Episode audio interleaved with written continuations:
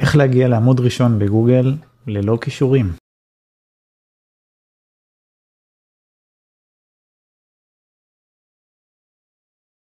אז קודם כל זה לגמרי משימה אפשרית להגיע לעמוד ראשון ואפילו תוצאות ראשונות בגוגל ללא כישורים אבל בואו נדייק את הדבר הזה של הללא כישורים. יש כישורים ברמת הדומיין שמפנים לאתר איפשהו כל מיני עמודים באתר ויש כישורים ברמת העמוד הספציפי. עכשיו עמוד ספציפי לא חייב לקבל כישורים ספציפית לעמוד על מנת לככב טוב בגוגל להתקדם יפה גם במונחים תחרותיים. אבל כן יש חשיבות לכישורים ברמת הדומיין, למשל לדף הבית, כישורי מותג, כישורים לעמוד הראשי באופן כללי, הם תורמים לחיזוק כל האתר באופן גורף, גם על עמודים פנימיים שלא קיבלו כישורים בכלל, אפס כישורים חיצוניים.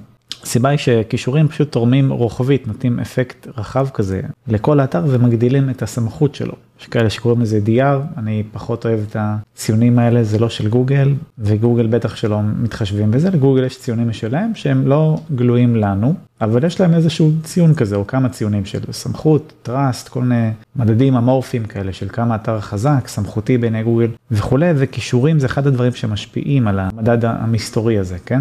זאת הסיבה שהרבה פעמים אפשר לראות עמודים מתברגים בגוגל בתוצאות גדולות, למרות שאין להם כישורים ישירות אליהם בכלל. דרך נוספת להתקדם להתקדם בגוגל ללא כישורים זה פשוט לקדם מונחים בלי הרבה תחרות ואז אפשר להתקדם גם בלי כישורים בכלל ברמת האתר. זה קורה יותר ויותר בשנים האחרונות גוגל נותנים משקל מופחת לכל נושא הכישורים וסביר להניח שמתישהו בעתיד הלא כזה רחוק כישורים חיצוניים יהיו פרמטר די שולי ואולי אפילו ייעלמו כפרמטר לחלוטין. ככל שעוברות השנים אני מאמין שאנחנו הולכים לכיוון הזה. אני חושב שכישורים זה כבר נהיה משהו שהוא overwhelming כזה לגוגל להתמודד איתו בכמויות הספאם והמניפולציות שיש על זה ורואים בוודאות שהם חותרים לכיוון של להתעלם מכישורים כפרמטר משמעותי ואולי כפרמטר בכלל. אני לא חושב שאנחנו מאוד קרובים לזה אבל אנחנו גם לא מאוד רחוקים מזה. יכול להיות שזה עניין של כמה שנים ונראה גוגל אה, אחר לגמרי במיוחד עכשיו עם כל עידן ה-chat GPT, בוטים, AI וכאלה דברים. אז כן, למידע נוסף על קידום בגוגל ולהגיע לעמוד ראשון ללא כישורים, תבדקו פה את המדריכים שלי בתיאור הסרטון. תודה שצפיתם ויום משובח.